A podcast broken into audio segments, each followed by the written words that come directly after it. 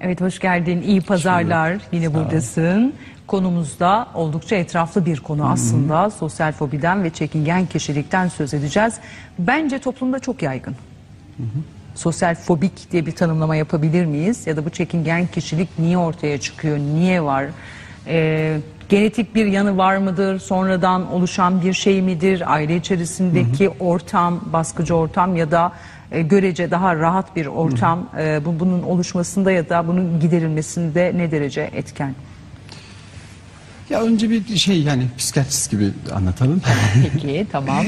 Şimdi daha çok işte e, çok erken yaşlardan çocukluktan beri başlayan işte çekingenliğin olduğu, davranışta bir tutukluğun olduğu e, eşlik ettiği, ergenlik döneminde karşı cinsel ilişkilerde daha çok göze çarpan işte ilişki kurmakta zorluk, yakınlaşmakta zorluk. Daha ileriki zamanlarda, daha erişkin yaşlarda topluluk karşısında konuşma, ne bileyim e, işte bir, bir başkasıyla ötekiyle girilen ilişkide zorluklar, arızalı bir malı götürüp iade etme, otoriteyi temsil eden biriyle konuşmakta zorlanma filan dediğimiz gibi çekingenliğin ve tutukluğun eşlik ettiği bir durum ve burada e, buna utancımın ortaya çıkmasından korkma. Yani işte titremenin, terlemenin, kızarmanın da eşlik ettiği bir tablo bazen fiziksel belirtilerde çok sık eşlik eder.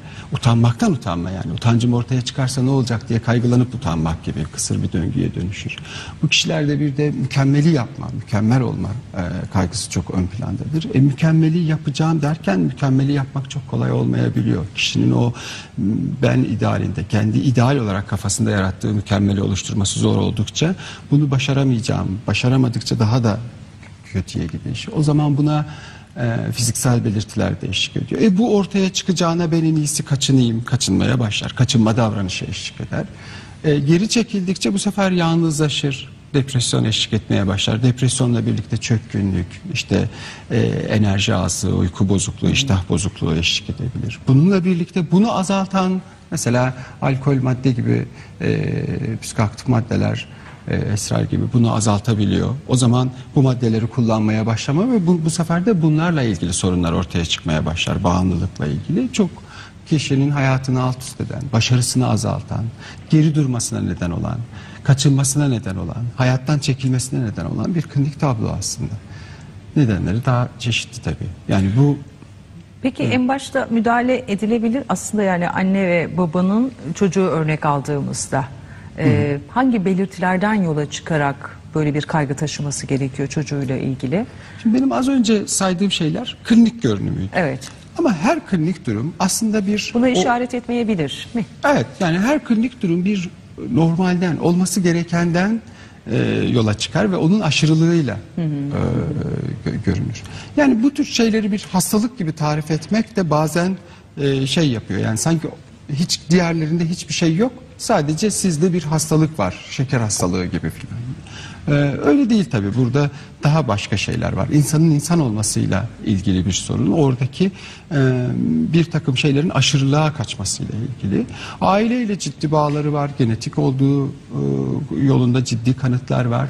E, bunların hepsi bir yanını tarif ediyor ve hepsi bir açıdan doğru. Yani çok kaygılı, topluma karşı dışarıya karşı, sosyal hayata karşı güvensiz bir anne ya da çok cezalandırıcı, kendi yapamadıklarını çocuklarından bekleyen, hep itçi bir baba. Ya yapın ya doğru dürüst yapın ya hiç yapmayın gibi e, saldırgan, cezalandırıcı bir baba bu tür bir çocuğun yetişmesine neden olabilir. Yani öğrenme yoluyla diyelim ki o kaygılı anneyi, kaygılı ebeveyni ya da işte ailedeki diğer birini görerek, öğrenerek toplumsal olaylar karşısında sosyal çevre içerisinde nasıl davranılacağı öğrenerek kişi bunu yapabildiğini tarif etmiş bir grup. Ya da anne çocuk baba ilişkisindeki o e, daha psikodinamik, daha e, nedenlerle daha geriye giden, ta bebeklik dönemine dayanan e, psikodinamik nedenlerle ortaya çıkabilir. Genetik nedenleri de vardır. Dolayısıyla hepsi bir araya gelir ve e, sosyal fobik bir birey oluşabilir. İlk başta söylediğin şey bana çok manidar geldi. Bu ayıplı bir malı götürüp iade etmek. Mesela. Çok iyi biliyorsun ama işte oradan karşılaşacağın tepki ve hakkını arama. Bu, bu konuda hepimiz çok yetersiziz Yani esasında eleştirileceğim, mi? ayıplanacağım korkusu. Yani ne diyeceğim şimdi ben? Ö- bu, bu- bu- bunu bilememek durumu. Yani bunu daha böyle anlaşılabilir. Yani bu nasıl oluyor e, anlamak için biraz daha felsefik düşündüğümüzde aslında utanç ve suçluluk duygusuyla yakın komşulukları var bu durumun. O zaman yani bir sosyal fobiyi anlamak için utancın ne olduğunu bilmemiz gerekiyor. Utanç böyle e, ilk e, insanın diğer ötekiyle hani bizde çok felsefe okutulmuyor ama e, bu mevzuları anlayabilmek için tekil ve tikel kavramını anlamak gerekiyor. Hani tekil tek başınasınız. Bir bireyden, bir bütünden bahsediyoruz. Tikel dediğimizde bir öteki giriyor içerine, içerisine. Yani diğerleri arasında tek olan. Şimdi bu ne demek istiyorum bununla? Ee, insan doğayla karşılaştığında atalarımız bir korkmuşlar. Aslanlar var, ayılar var, bilmem ne var. Şu var, bu. Burası neresi? Yükseklik var. Kendini koruyabilmek için kaçması gerekmiş. Yani e, o ona dikilen gözlerin ne yapacağını bilememe kaygısı. Paranoid bir durum yani. Kaçmış, savaşmış ya, da yok olmuş, hiç görünmemiş. Ötekinin gözünden kaçmış. Utanç aslında bu müdahale edememenin, o öteki karşısında yetersiz kalmanın oluşturduğu bir şey. Mesela hiç yılan görmemiş, kentte yaşayan bir çocuğu düşünün, yılan korkusu var. Niye var bu? Büyük olasılıkla atalarımızdan aktarılmış e, arkeik bir şey, genetik bir şey belki. Diğer taraftan e, utanç kişinin kendisini kurmasıyla ilgili bir şey. Yani ben diğeri karşı. İnsan çok yetersiz doğuyor. Yetersiz bir varlık. Ötekine çok muhtaç. Ve bu o muhtaçlık o, ona yetersizliğini de hatırlatıyor. Anne karşısında, baba karşısında, dünya karşısındaki yetersizlik. O zaman birey ben varım, ben ben olmalıyım dediğinde bir benlik ideali kuruyor. Ben şöyle olmalıyım. Böyle olursam öteki benim zayıflığımı, eksikliğimi anlamaz ve hayatta kalır. Ve o ben ideali ne kadar katıysa utanç o kadar ağır oluyor. Aslında bir yetersizlikten çıkan bir şey. Ben utandığımda, yüzüm kızardığında sen benim yetersizliğimi anlayacaksın kaygısı. Biraz bununla ilgili. Utanç çok daha içsel, insanın benliğiyle, yapısıyla ilgili bir şey. Çok yapısal bir şey. O yüzden biz utanınca yerin dibine girmek isteriz. Kaybolmak isteriz. Evet. Öteki görmesin isteriz. Çok temel bir şey. İnsanın yapısıyla ilgili bir şey. Kişiliği kurduğu kendi algısıyla ben nasıl biriyimle ilgili bir şey. Dolayısıyla hepimizde e, olan bir şey bu.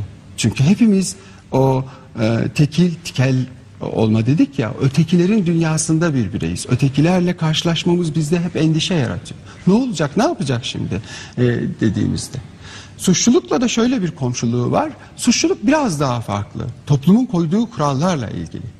Yani mesela bunu daha ilksel ilk 6 aylık 18 aylıkken öğreniyoruz. Utanç öyle yerleşiyor bize. Yani daha biz benim içimle ilgili bir şey.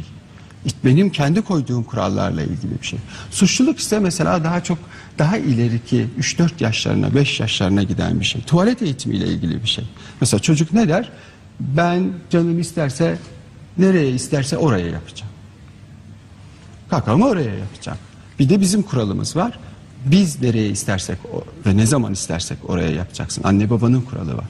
İşte çocuk ben nereye istersemle sen nereye istersen arasında bir karar ver. Suçluluk duygusu da bununla bağlantısı. Bir paralel olarak o yaş 3-4 yaş e, çocuk için de böyle benliğini en fazla taşırdığı yaş değil midir? Ben istiyorum, benim, ben yapacağım, o bana ait, önce ben yiyeceğim. Yani çok fazla o yaş aralığında ben duyuyoruz çocuklarda. Toplumla daha fazla karşılaştığı, toplumun kurallarıyla karşılaştığı bir dönem. O yüzden bene çok vurgu var. Yani benle sen arasındaki farkı tam anladığında ve belli kurallara uymak zorunda olduğunu fark ettiği bir dönem. Ve suçluluk utanca göre insan için daha hafif, daha basit bir duygu suç.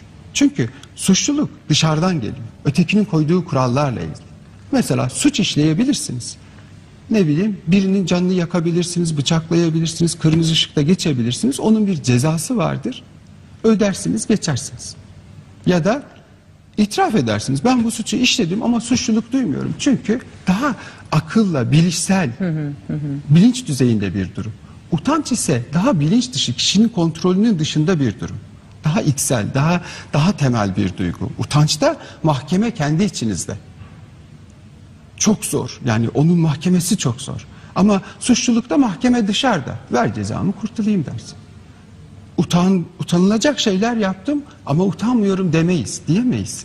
Ama suç işlersin, suçluluk duyacağınız şeyler yaparsınız ama duymuyorum dersiniz. Sosyal fobi daha çok utançla bağlantılı bir şey. Suçluluk kapalı biraz bir daha toplumsallıkla, çünkü. Evet. toplumsal kurallara uymakla bir şey. Peki utanma şey. bazı yerlerde ya iyi bir şey midir diye sorsam yani insanın yaptığı bir şeyden ötürü utanç duyması ve bunu çok rahat bir şekilde bedensel anlamda da ifade edebilecek pozisyonda olması e, iyi bir şey midir? Utanma duygusuna sahip olmak iyi bir şey midir? Ya böyle bir düzeye kadar iyidir gibi saçma karşılığı olmayan bir şey söyleyebilirim. Tamam, bu Ama bir yanıyla da doğrudur bu. Bir düzeye kadar iyidir. Hangi düzeye kadar iyidir? Kişiyi topluma hazırlar. Evet. Yani ötekine karşı bir kaygı sizi korur, hayatta tutar. Aslında yani bu paralelde aslandan korkmanız, yetersizliğini hisset, hissetmeniz Sizde o yetersizlik, edilgenlik, doğa karşısında, iktidar karşısında, güç karşısında edilgenlik size bir utanç verir ama bir taraftan da hayatta kalmanızı sağlar. Bu açıdan baktığımızda iyi bir şeydir. Kişinin kendi varoluşunu e, kolaylaştırır, bir şeyler yapmasını sağlar, onu motive eder, enerji verir. Ama bu çok kastre edici, çok şeyse, ağırsa o zaman kişinin geri çekilmesine neden olur. O zaman bu iyi dediğimiz şey kötüye dönüşmeye başlar.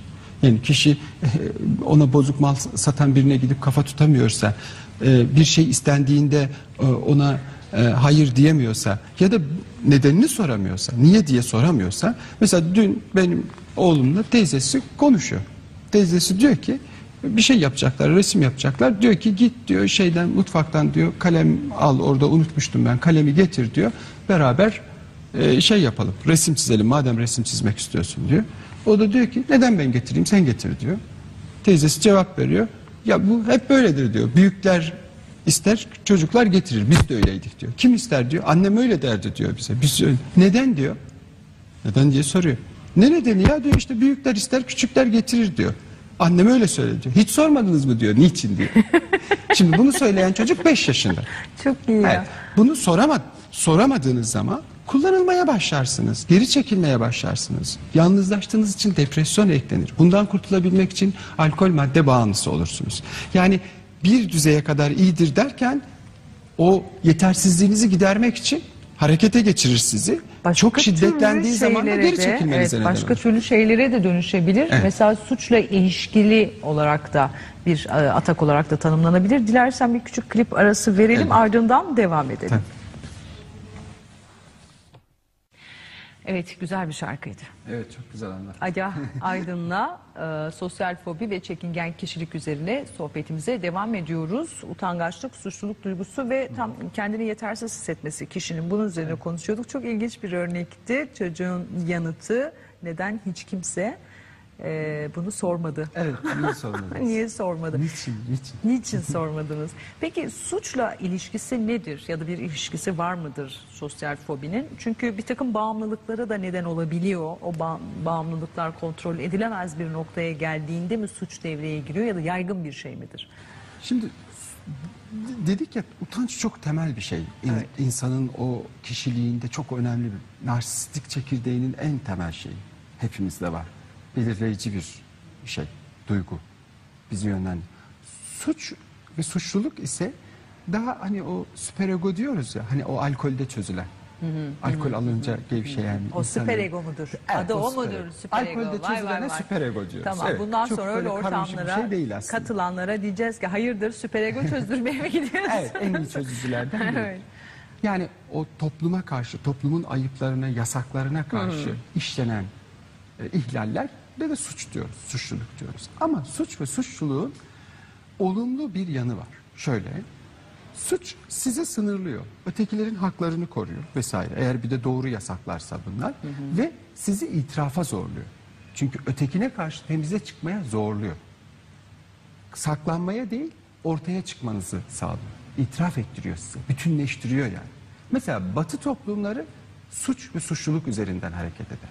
Onlar mesela dinleri de öyledir. Hristiyanlık daha yaygın olduğu için batıda sadece Hristiyanlık yok ama Hristiyanlık suç üzerine kur. Herkes suçlu doğar. Dolayısıyla temize çıkmak için sürekli çalışırlar ve onlarda bilirsiniz itiraf vardır. Giderler işte papaza itirafta bulunurlar. Günah çıkarırlar. Ve bu itiraf onları birleştirir. Suçun cezası neyse çekeyim dersiniz. Çekersiniz, kurtulursunuz. Dikkat ederseniz benliğe gelen direkt bir saldırı yok burada. Toplumla bir uzlaşma bu aslında bir yanıyla, bir pazarlık. Utanç ise daha temel bir şey. Sizin kendi mahkemeniz. Ve bu mahkeme çok erken yaşlarda oluşuyor ve sizin kim olduğunuzla çok ilintili bir şey. Ve onun mahkemesi çok katı. Yani bir türlü affetmiyorum. Ya yok olsun dünyadaki her şeyden vazgeçtim diyorsunuz. Yeter ki şu olmasaydı. Çok basit bir şey de olabilir. bu. Anlık bir şey ama değil mi? Sadece o durumdan sıyrılana kadar, kurtulana kadar böyle yok olayım, kaybolayım ya da İşte yeter neyse ki o kafanızdaki karşıma kurallar. çıkmasın. Kimininki çok katı, kimininki çok yaygın, yaygın, kimininki her alanda. Bu az önce dedik ya öğrenme yoluyla oluyor. O ebeveynlerle girilen ilişkide yetiştirilme tarzıyla ilişkili oluyor ve genetik yanları da var. Doğu toplumlarında utanç daha ön plandadır. Utandırarak büyütürler insanları. Ben de tam onu soracaktım. Yani anne babaların çocukla ilgili refleksi ne oluyor ve nasıl bir yetiştirme tarzına sahip? Ee, Utanç- hem Türkiye'de hem de genelde Doğu Evet, toplumlarında. Doğu toplum, utanç çok öne çıktığında kişinin yetersizliği daha ağır oluyor. Kişi kendine güvenemiyor, ürettiğini sunamıyor, itiraf edemiyor, kaçıyor. Çünkü onaylanmamışsınız. Çünkü sizin icatlarınıza itibar edilmemiş. Yaratıcılığın önünü kesen bir şey. İcat çıkarma. Evet. İcat çıkarma kendini sergileme demek. Mesela e, programdan önce sizinle konuşurken de hani bu sosyal medya falan filan dedik ya. Dikkat ederseniz bizde korkunç bir şekilde bir saldırı var. Twitter'da yok şunu yazıyorlar. Siz ne biçim insanlarsınız? Bu ne basitlik? Ya da Facebook'ta şunu yapıyorlar. Bu nasıl, nasıl bir şey falan. Utandırma üzerine koyuyor. Ki ötekinin kendisini çocuğun, eriş, gencin, ergenin kendisini sergilemesine bir ket vuruluyor. Zayıf olanın, yabancı olanın, azınlık olanın kendisini sergilemesine izin verilmiyor. Nasıl verilmiyor? O içsel mekanizmayı harekete geçirerek. Siz utanmıyor musunuz? O zaman bütün mahkemelerden daha katı oluyor bu. Kişi geri çekiliyor. Geri çekiliyor, geri çekiliyor ve yaratıcılık ölüyor. O e, e, üretmek ortadan bütünleşmek ortadan kalkıyor. Çünkü utanç gizlenen bir şey dedik ya. Gizlediğiniz zaman diğerleriyle ilişkiniz kısıtlanır. Eve kapanırsınız. Uzaklaşırsınız toplum. Bu hem bireyi çok olumsuz etkileyen bir duygu, çok e, ağır ve saldırgan olduğunda hem de e, toplumun gelişmesini, dönüşmesini, o evrensel toplumsal e, etik ve estetik değerlerin gelişmesini engelliyor. Sanatın, sanatçının yetişmesini engelliyor. Becerikli, yetenekli doktorların, mühendislerin, televizyoncuların yetişmesini engelliyor. Çok önemli bir şey aslında. Toplumları belirleyen, e, geleceklerini belirleyen, bireyi belirleyen, bireyin geleceğini belirleyen önemli bir durum. Bu nasıl bir şey? Bu gelenekle ilgili, görenekle ilgili, aile yapısıyla ilgili. E, dikkat ederseniz mesela bir toplumda yönetenler, güçlüler ne kadar utanmazsa o toplumun bireyleri o kadar utangaç oluyor. Çünkü utanmazların utangaçları kontrol etme, insanları kontrol etme yolu utandırmaktır, utangaç kılmaktır.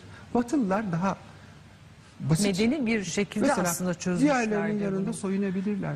Diğerlerinin yanında beden eğitim dersine girerken elbiselerini değiştirebilirler. Bu bedeninden utanmaz adam. Bizde her şeyde utandırılırsınız.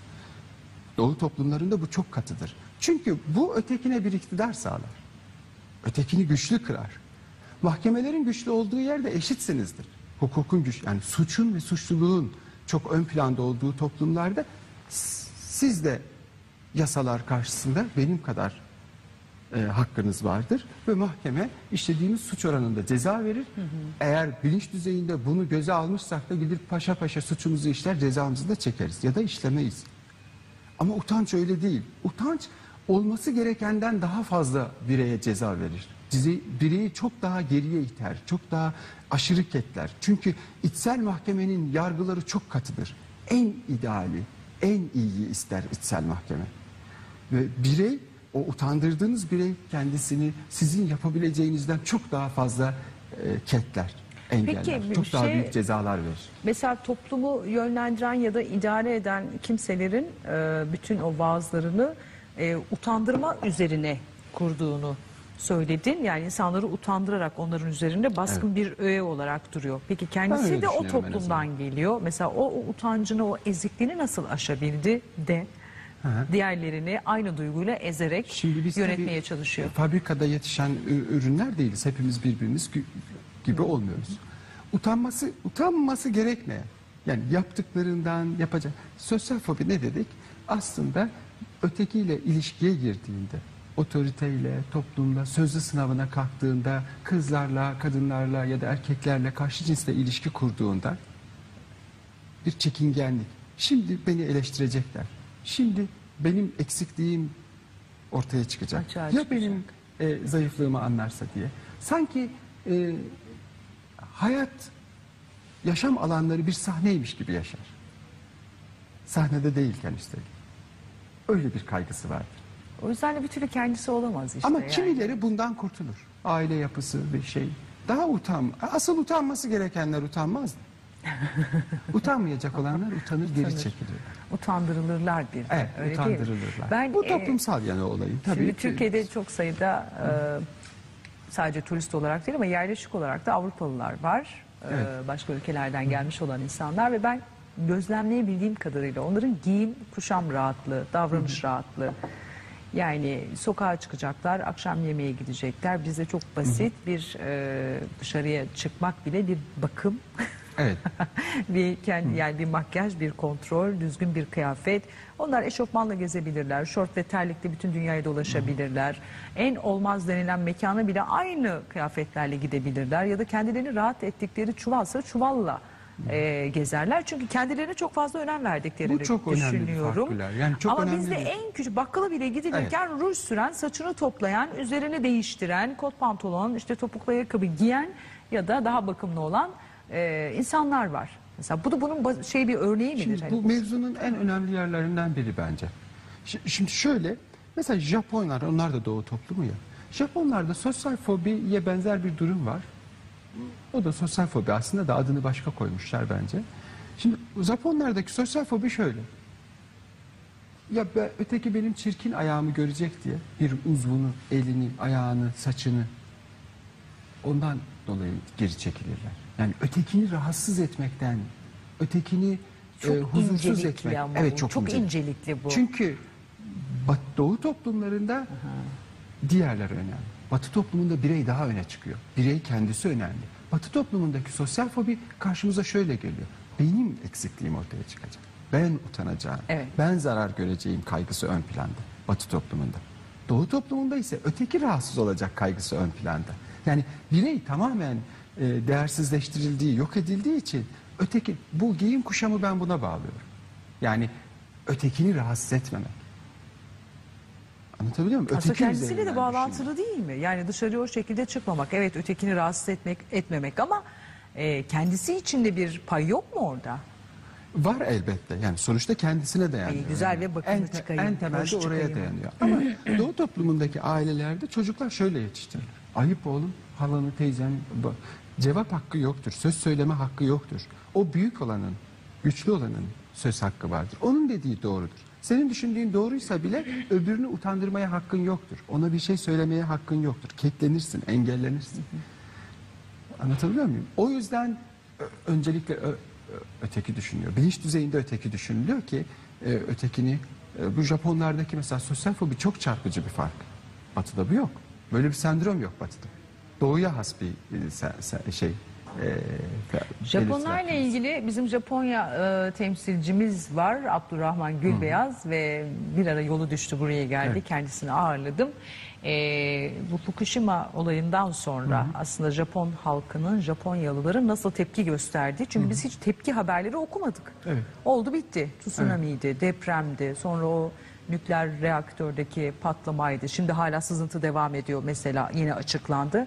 Buna bir tepki yok. Müthiş bir kayıtsızlık var. Bu, bu nasıl bir inanma biçimidir? Yani hükümete nasıl bir sadakattir? Nasıl bir inanma, itirazsızlıktır? İnsan itiraz etmeden nasıl yaşar? Hayati tehlike yaşıyor muyuz? Ölecek miyiz? Başımıza ne gelecek? Ki bu bunu Japon e, yani Japonyalıların bu ikinci felaketi çok normal karşılamaları bana biraz şey gelmişti. Büyükler yanlış yapmaz ki. Evet bir baba sembolü işte orada hep konuşurken aklıma o geldi aslında. Baba hata yapmaz, baba kusurlu davranmaz. Sonra bu, bu enteresan biraz Japonyalılarla ilgili ve günlük yaşamları hakkında da bilgi edinme fırsatımız oldu.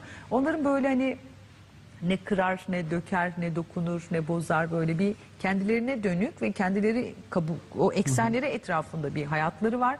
Evleri prefabrik gibidir neredeyse hiç eşya barındırmazlar. Öyle bizimkiler gibi ağır ağır ceviz dolaplar, bilmem ne masalar, 12 sandalye, düzinelerle halılar, şunlar bunlar falan yok onların hayatında. Hayat yaşamak tümüyle iş odaklı bir hayat.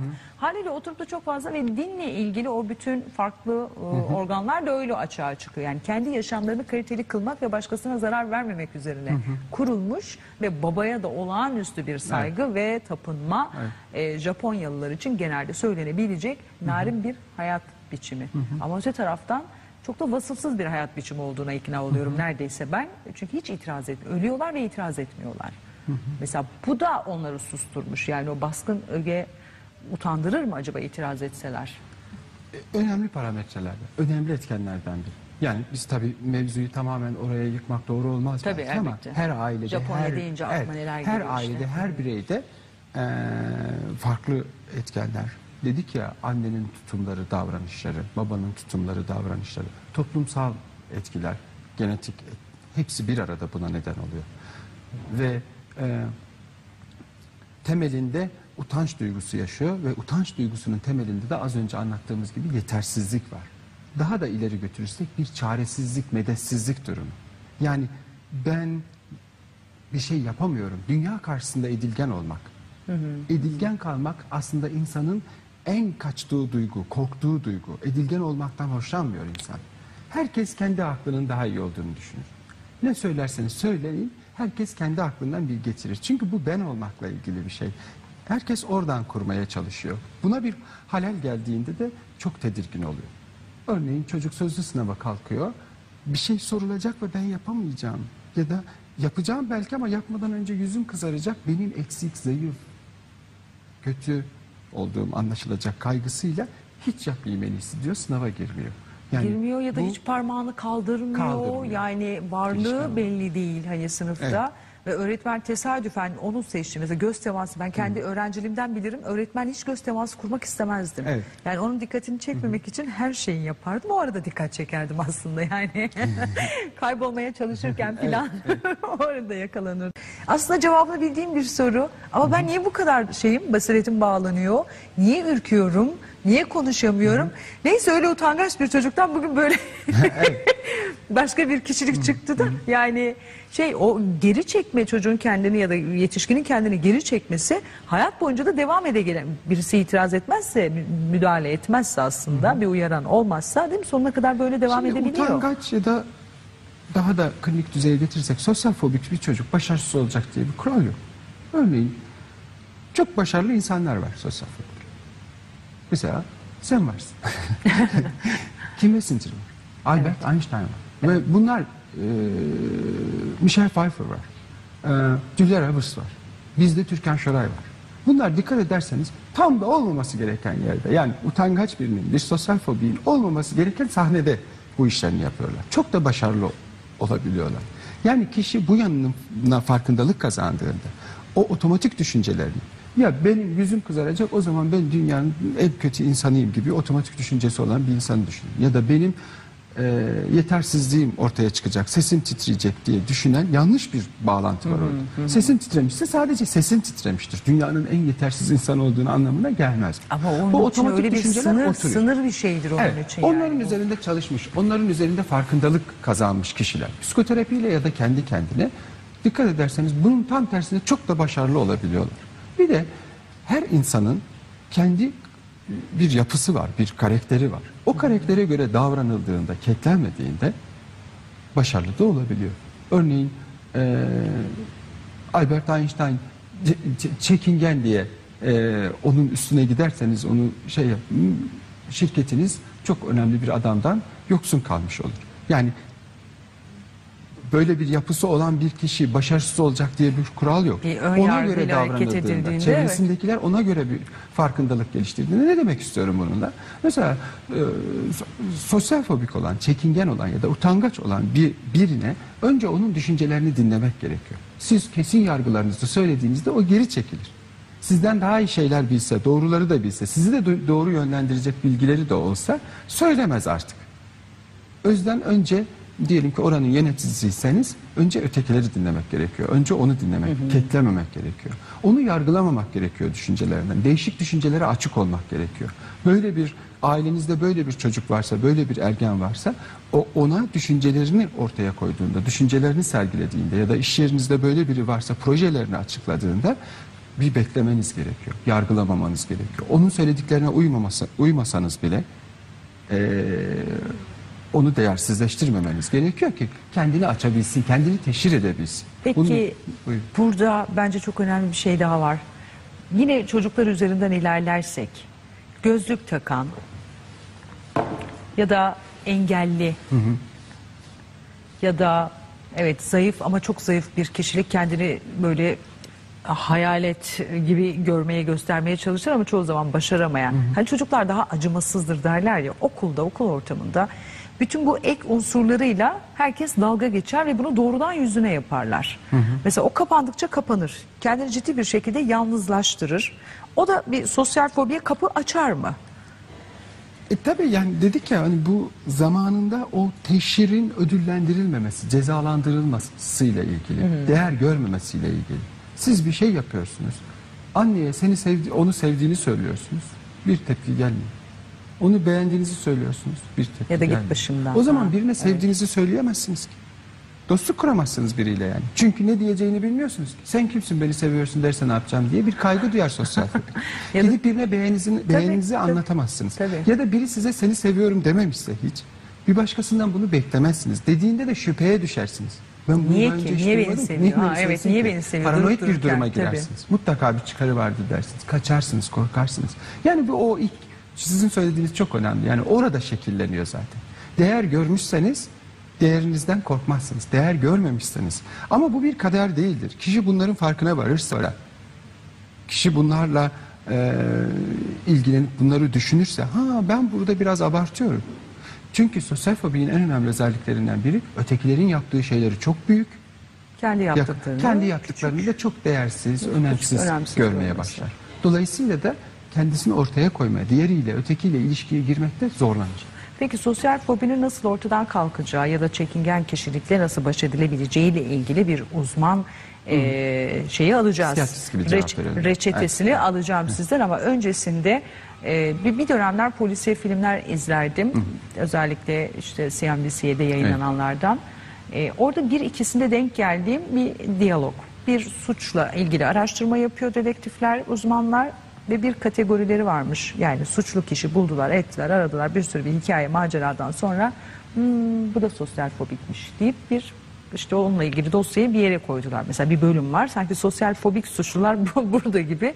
O klasör oraya yerleştirildi ve bana çok çarpıcı gelmiş. Yani sosyal fobikler niye suçluluk kategorisinde diyelim ki senaryo gereği öyle orada o şekilde tanımlandı ama ha bu da sosyal fobikmiş. Evet adam çok içine kapalı, suça eğilimi var ama başka başka sebepleri de olabilir. Beslendiği başka başka şeyler de olabilir. Küçükken yaşadığı bir travma olabilir, onun bir iz düşümüdür ya da artık gerçek hayattaki kendini gösterdiği biçimdir değil mi? Ama böyle bir şeye sebep olabiliyor mu hakikaten? Şimdi bu, o filmde Bir de tabii suç çok farklı bir yanlış şey. mesaj Hı. verildiğini düşünüyorum. Yanlış bir şeyle ilişkilendirildiğini düşünüyorum. Sosyofobikler suça eğilimli değillerdir. Yani hatta daha da şeylerdir. Yani uzaktırlar suçtan. Ondan da uzaktırlar. Çok yalnızlaştığında. Evet. Çünkü kaçınıyor ya. Yani beni eleştirecekler. Ya da işte ben mükemmel olamayacağım. Ya da benim utancım ortaya çıkacak diye korkup içe çekildiğinde depresif sen- belirtiler görülmeye başlar. Bu dönemde bunu çözmek için alkol filan olabilir. Bağımlılıklar, madde kullanmalar olabilir. Belki bununla ilişkilendirmiş olabilirler ama bu doğru bir ilişkilendirme değil. Kişilik özellikler arasında, kişilik bozuklukları arasında e, sosyal fobi bir kişilik bozukluğu değildir, ama Değildir, evet, tartışma çok derin orada. Çekingen kişilik bu özellikleriyle sosyal fobinin birbirine karıştığı, bu ikisinin ayrılıp ayrılmayacağı konusunda biz psikiyatristler de çok net değiliz. Yani en azından literatür bu konuda tartışıyor. Bir grup bunun böyle bunun aynı şey olduğunu savunanlar da var. E, Arasındaki farkı bir, bir- bir söylerim şimdi. Mesela çekingen kişi, çekingen kişilik özellikleri olan kişi doktora gelmez. Çünkü bunu kendisi seçmiştir zaten. Geri çekiliyor. Yani bunu bir savunma olarak kullanıyor. Bu onun hayatı. Sosyal fobik yapmak ister ama yapamadığı için geri çekilir. O yüzden o doktora gelebilir sorun yaşadığında. Derdini anlatamaz Evet, belki. işte başarısız Ama olunca işte filan. hiç Ya da- gitmez. Ha, evet ama çok ayrımı kolay değildir. Bazen de aynı şey olduğunu tartışan Çok insan. birbirine yakın e, şeyler aslında. Ama kişilik özellikleri arasında ama suça eğilimli olan grup antisosyallerdir. Asosyaller değil bakın. Antisosyaller. Orada biz Türkler, Türkiye'liler her şeyi çevirerek öğrendiğimiz için mesela yıllarca Freud'un bilinç dışını bilinçaltı diye çevirdik. Şimdi güzel. bir kısım psikiyatrist ve psikolog onu Bilinçaltı bilinçaltı ifadesi diyor hala yani bilinç profesyoneller dışı bile bilinç bilinç dışı diye. bilinçaltı deniyor. Biz orada asosyale de antisosyal, diyoruz. Antisosyal. Asosyal, sosyal olmayan ortam yani sosyal olmayan, sosyallikten uzak duran çekingenlerin, sosyal fobiklerin önemli özelliklerinden biridir. Antisosyaller ise suça eğilimli bir gruptur. Madde kullanmaya eğilimli bir gruptur. Büyük olasılıkla o filmi çevirenler orada hata yapmıştır ya da umarım ki yönetmen yanlış anlamıştır. İngilizcem çok yetersizdi hocam. Şimdi bir şey diyemeyeceğim. Sanıyorum ben altyazı okuyordum bu Yok sırada. ama sen söyledin ya sosyal fobik sözcüğü geçmişse Sosyal o fobik seninle evet. Yani ilgili orada bir muhtemelen klasörün, filmi yapanla ilgili bir yığınının şeydir. olması belki ve O ikisi çok antisosyallerle karıştırılır. ilgiliydi. Bak, Suça bu kadar eğilimli. Peki nasıl ortadan kalkar ve tedavisi var mı? Yani bir kli- klinik tedaviye ihtiyaç duyan bir şey midir yoksa yoksa yoksa Yani şimdi ne yaşadığınız da önemli. Mesela bizim toplumumuzda erkeklerde sosyal fobi daha çok görülüyor. Niye? Çünkü kadınlar zaten dışarı çık. Ne zaman sorun yaşıyor bu? Diğer aile bireyleriyle filan kendini ifade etmekte zorlandığında, kayınvalidesiyle şunla bununla tedirgin olduğunda, dışarıya çıkması gerektiğinde ancak e, kliniğe gelebiliyor. Ya da ergenler ne zamana kadar bekliyor? Bu yaşamında bir problemi oluşturduğunda sınava girememe, sınavı yapamama gibi. Genellikle böyle kliniğe geliyorlar ya da karşı cinsle ilişki ku- kuramama gibi. E, yani bunun tedavisi o dedik ya çocuklukta bakım verenlerle geçen ilişkilerin bazen de travmalarla ol- olabilir. Çocuk kendisini sergilemiştir, bir şey yapmıştır, çok kötü azarlanmıştır. O onun kafasında çok önemli bir yer etmiştir. Farklı farklı davranışlarıyla ilgili yanlış otomatik düşünceler yerleşmiştir. Bunların çözümlenmesi, ortaya çıkarılmasıyla kişi bir farkındalık kazanır. Bu da uzun bir süreçtir. Psikoterapiyle olur. Aylar, yıllar sürer. Bir başka yol, bir başka şey bu kişiler depresyon, madde kullanımı gibi ek sorunlar da oluştuğunda ilaç vermek tabii gerekir. daha artık Evet. tam ya da tedavi e, şeklinde. çok e, ciddi sorunu vardır. Yani şu dönemde yapması gereken işler var, aksıyor. E, Gene ilaç takviyesi gerekir. Tek başına ilaç bir yanıyla e, beyindeki o kimyasal dengeyi düzeltse, semptomları giderse de genellikle geri döner bu. Kalıcı olmaz. E, o yüzden e, bir psikoterapi e, bunu genellikle düzeltici etki gösterir. Kalıcı bir etki gösterir. Bir, bir tarafıyla da iyi en azından tedaviyle Evet. ilgili. Ama şu var. Çekingen kişilik mesela evet. durumu tespit edildi ama ben doktora gitmem. Ama şöyle Tedavi bir, bir şeye olmam de dikkat der çekmek der? isterim. Hmm, e, Şimdi kimi e, kalpazanlar biz sizin çocuklarınıza 10 günde nasıl özgüvenli olur öğretiyoruz falan. Ha, bunun nasıl böyle 10 günlük çekingenlik kursları da var, sıkıştırılmış. Kursları var. He. Hatta bizim okul süper yani biz Avrupa Amerika sistemini uyguluyoruz. Böyle bir şey yok. Yani bu şarlatanlık. Çok Çünkü bu yapısal bir şey. Yani bu öyle kolay kolay değişmiyor. Nasıl değişiyor?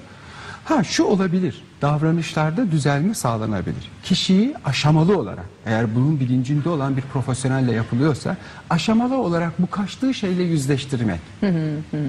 aşamalı olarak. Kişi bununla yüzleştiğinde aa bakıyor ki ya öyle bir şey de olmuyor. Elim titremiyor, yüzüm kızarmıyor, çarpıntım da olmuyor. Davranışsal bir takım ve o otomatik düşünceler bu psikoterapi oluyor artık. Orada düzelmeler görülür. Ama öyle kursla mursla olacak iş değil. Çok enteresan ya. Evet gazetelerin bazen. İşte hafta Yani- sonu eklerinde falan görüyoruz o tip şeyleri. Bu konuda çaresiz Yüzde değil. yüz Çok etkin düşünme, yöntemleri ve evet. çözümleme şeyleri var. Buyurun. Çok çok enteresan. Evet. Ee, ama doğru yoldan şaşmamak lazım öyle değil mi? Evet. Yani anne babaya çok iş düşüyor özellikle çocuklarda çünkü yetişkinliğinde hele ergenliğinde daha başka bir evreye girip de çıkıyor kişi. Evet. O arada kurtulabildiyse kurtulabiliyor değilse e, sürekli yakasında onu taşımak zorunda kalabiliyor. Değil mi? Kritik Bu- zamanlarda özellikle. Böyle hepimizin bir kişiliği var. Bu kişilerin kişiliği de bu. Bu bir kusur, suç, hastalık falan değil. Değil, değil, Kişilik değil, özelliği değil, olarak değil. bakarsak hani klinik düzeyde işlevselliği falan azaldığı için sosyal ilişkileri, iş yaşamı bozulduğu için hastalık diyoruz adına ama neticede kişilikte de ciddi bir bağ var bunun. Bu kişilerle az önce konuştuğumuz gibi nasıl ilişki kurulacağını da söyledik. Yani bu kişileri kaybetmemek gerekiyor. Önlerine dedim ya bakın ne kadar e, ünlü, başarılı, becerikli insanlar var. Tam da sorun yaşayacakları yerlerde başarılı oluyorlar hem de. Çok enteresan. Evet, bir farkındalık kazandık. O kategoriye ben de girmiştim değil mi? Evet, tamam. Evet sosyal sosyal fobik e, spikeriniz programını artık noktalıyor. E, Siz bu tespitte şey bulunan sağ olasın ama sonra açtım tabii ben. açtım açtım kendi yolumu buldum. Çok teşekkür ediyorum ederim. Aydın sağ olasın. Evet sosyal fobi ve çekingen kişilik üzerine konuştuk. Psikiyatrımız Agah Aydın'la ve programımızı bugün de burada noktalıyoruz. Haftaya cumartesi pazar e, farklı konuklarımızla yine bir arada olacağız. Hafta sonu programımızda. Hoşçakalın.